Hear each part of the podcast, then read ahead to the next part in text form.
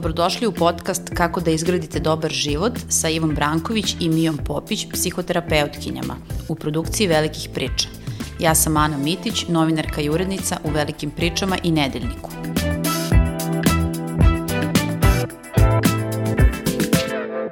Toksičnost je tema o kojoj se mnogo priča i obično se govori o toksičnim odnosima, o toksičnim ljudima, ali meni je Mija Popić prošle nedelje otvorila vidiki i rekla mi je da mi možemo da budemo toksični i prema sami sebi i mi je pisala jedan tekst o tome šta znači kad si u toksičnom odnosu prema sebi, pa eto, i to je prvo pitanje, šta znači kad si toksičan prema sebi, kako se ti to ponašaš prema sebi?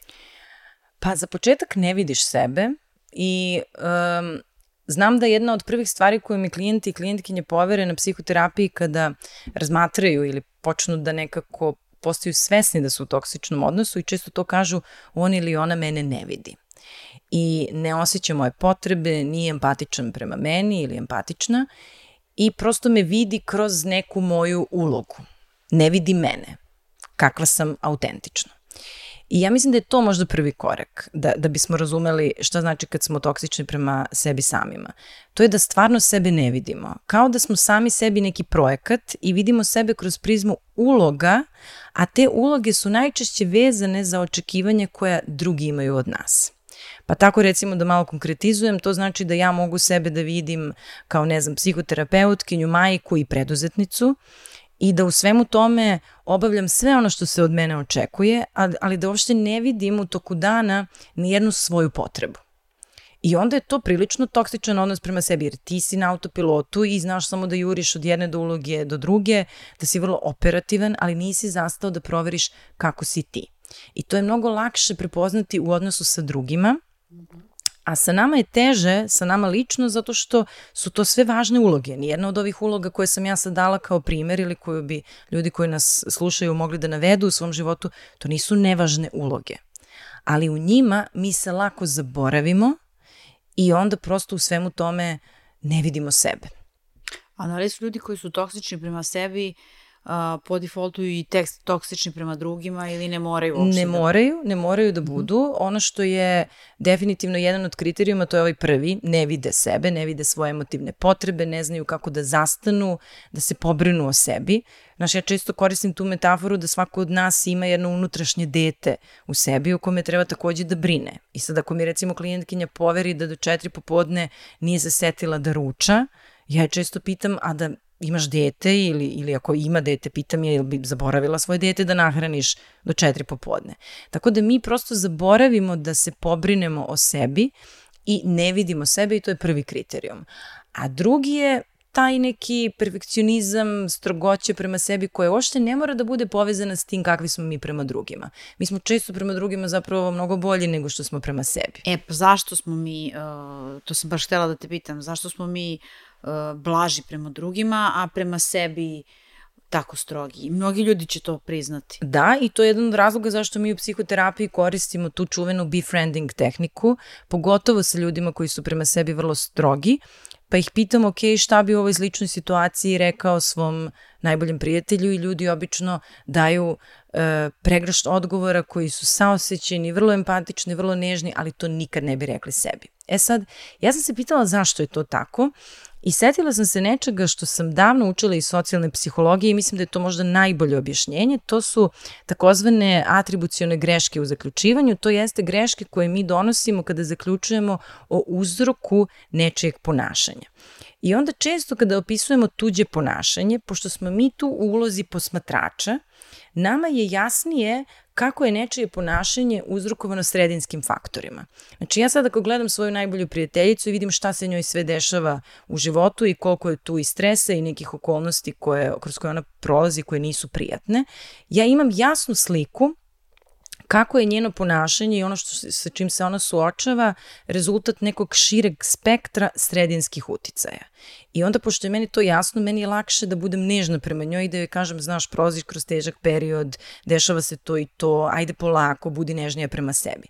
Ali mi kada sebe posmatramo, mi ne idemo iz te posmatračke uloge Znaš, kao da gledaš film pa vidiš šta se tvoje najbolje drugarici dešava, nego ti vidiš sebe, vidiš svoje osobine ličnosti, ti se baviš sobom, a tu širu sliku Ne nemaš. da. I onda ti najčešće za sve ono što ti se dešava i što je teško i što možda nema nikakve veze sa tobom, a pogotovo ako si dodatno i perfekcionistički nastrojen i strog prema sebi, ti ćeš razlog da vidiš u sebi.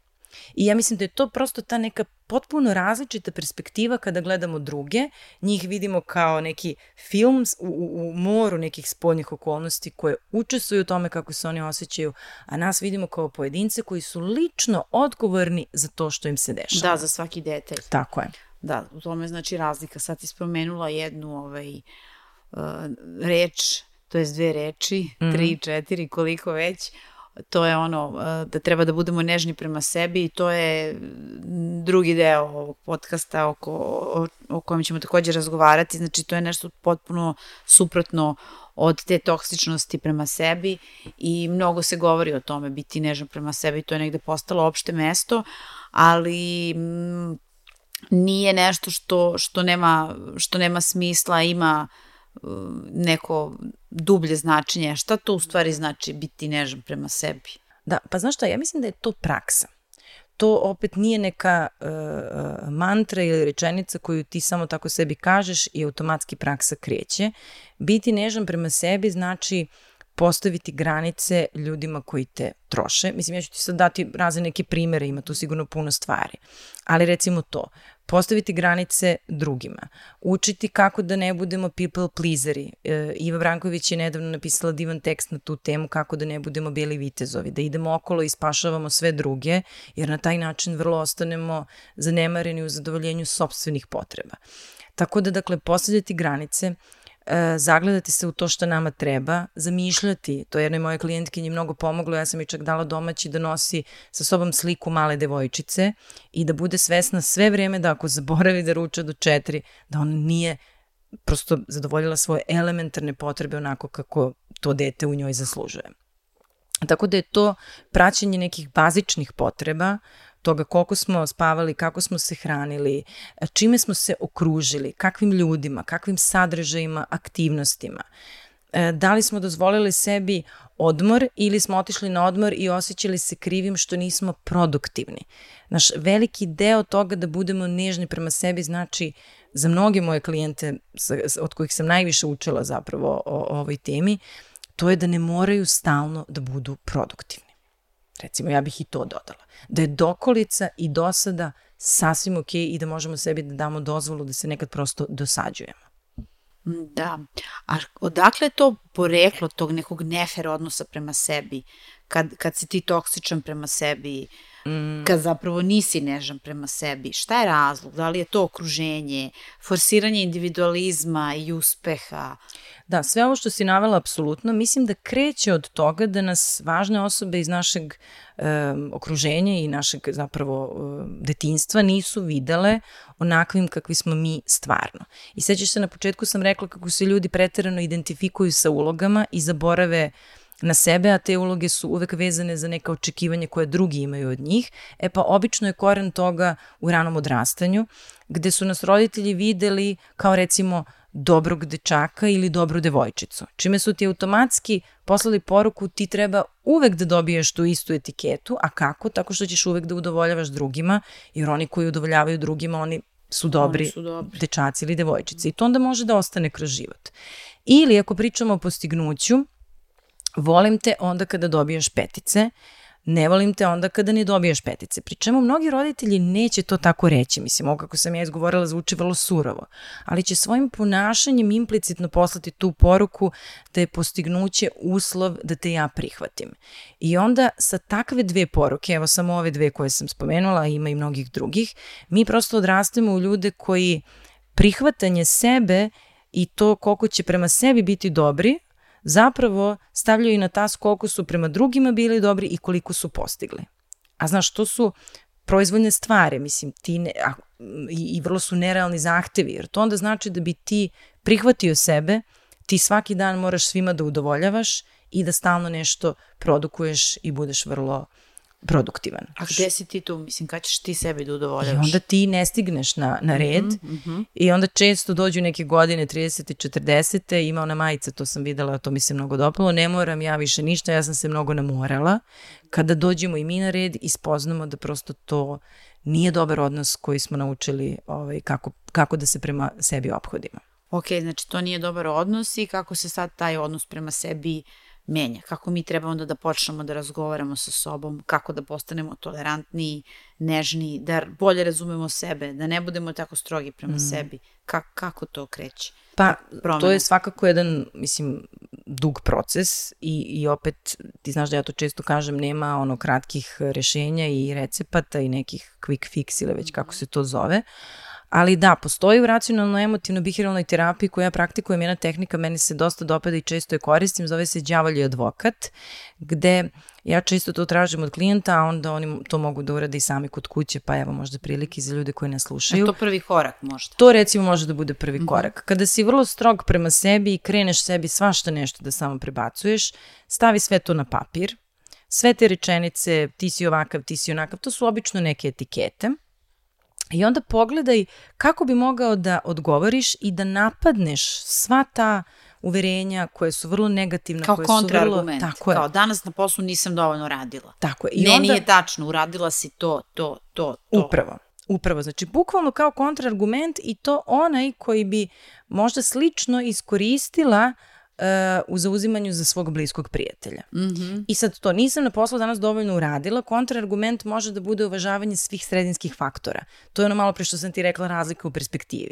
Da, tebi je možda jasno potpuno da ti danas nisi dovoljno uradila, ali nekome ko te gledao sa strane, bilo bi mu takođe jasno ko je sve u 5 do 12 leteo sa nekim svojim upitima, šta se desilo, kakav nam je društveni kontekst u ovom trenutku, s čim si došla na posao, da li te dete zvalo pet puta, na što će neko videti sa strane. Ti nećeš, ali možeš ako staviš na papir, sastaneš sa sobom 5 minuta i proveriš da li je moguće da dođeš do nekog malo nežnijeg unutrašnjeg dijaloga. Da, ovo je baš dobro, to s tim djavoljom mm, advokatom, da. sviđa mi se. A kako utišati taj unutrašnji džangrizavi glas koji ti govori uh, nisi, ne znam, uradila ovo, nisi bila dobra u ovome, uh, koji te kritikuje, kako mu mm. reći daj, kao čuti više, ono, pa šta je ako nisam, kao, pa šta da. sad? Znaš šta, ja mislim da ovde ima možda jednu malo alternativniju ovaj, tehniku ili pristup. A to je da čak ne moramo ni da ga utišamo, možemo samo da ga pustimo da bude tu i da shvatimo, sad ovo, ovo je o čemu pričam preuzeto iz uh, mindfulness pristupa, znači koji je zapravo jedan pristup potpune svesnosti svega onoga što naš mozak radi.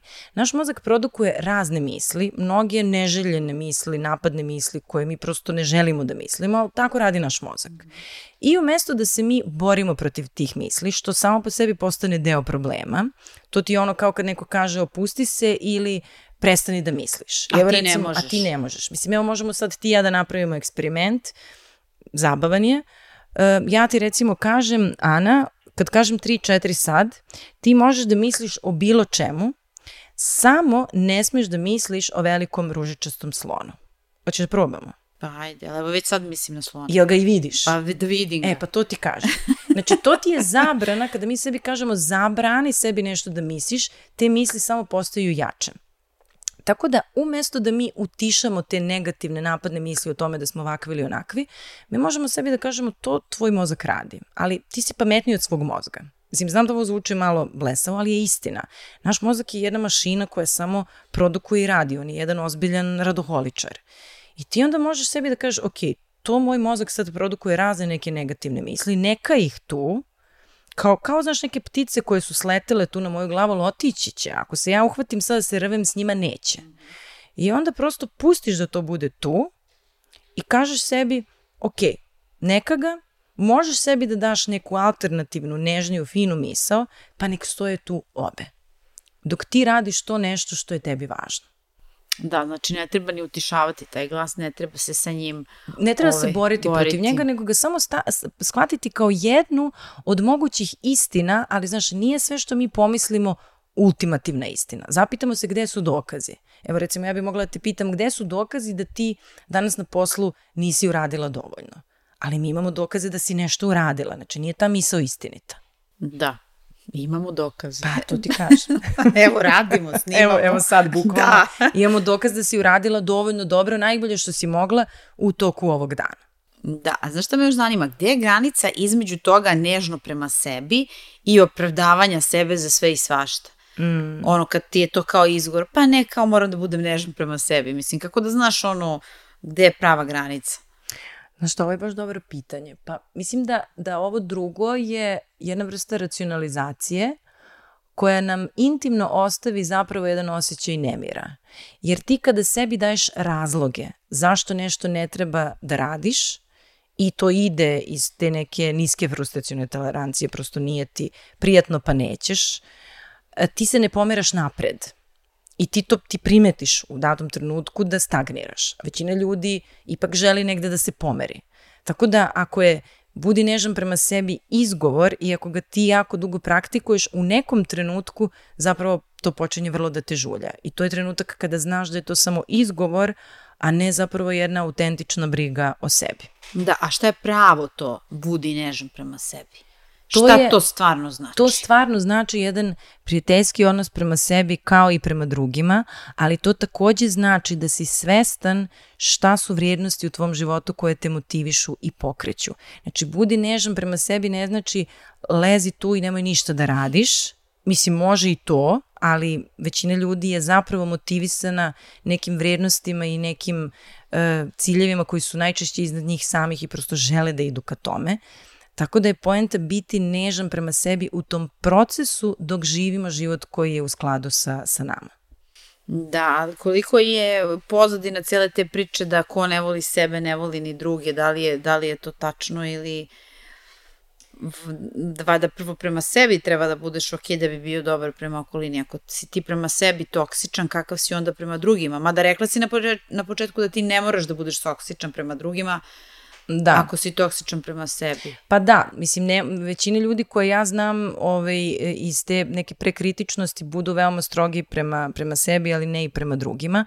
Ali slažem se da ima nečega u ovome, iako ja imam problem s tom rečenicom kao volite sebe. Mislim, ja više nekako volim da pričam o tome da ljudi sebe treba da prihvataju i kada su uh, i kada greše i kada im je teško i kada nam nije kada im nije prijatno jer voleti sebe mi nekako deluje kao da ti o sebi uvek misliš pozitivno a nije realno da uvek o sebi mislimo pozitivno. Znaš, ima dana kad se stvarno sebi ne sviđaš, mislim, i to je okej okay reći.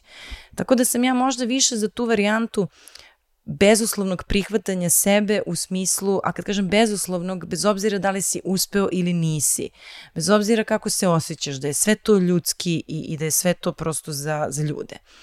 Tako da, ali, ali ima nečega u tome da mi kada naučimo da prihvatamo sebe, mi smo mnogo tolerantniji prema drugima. To je ono čemu smo pričali u, u našem podcastu o osuđivanju sebe i drugih, kako tu često postoji veza. E ovde je slično.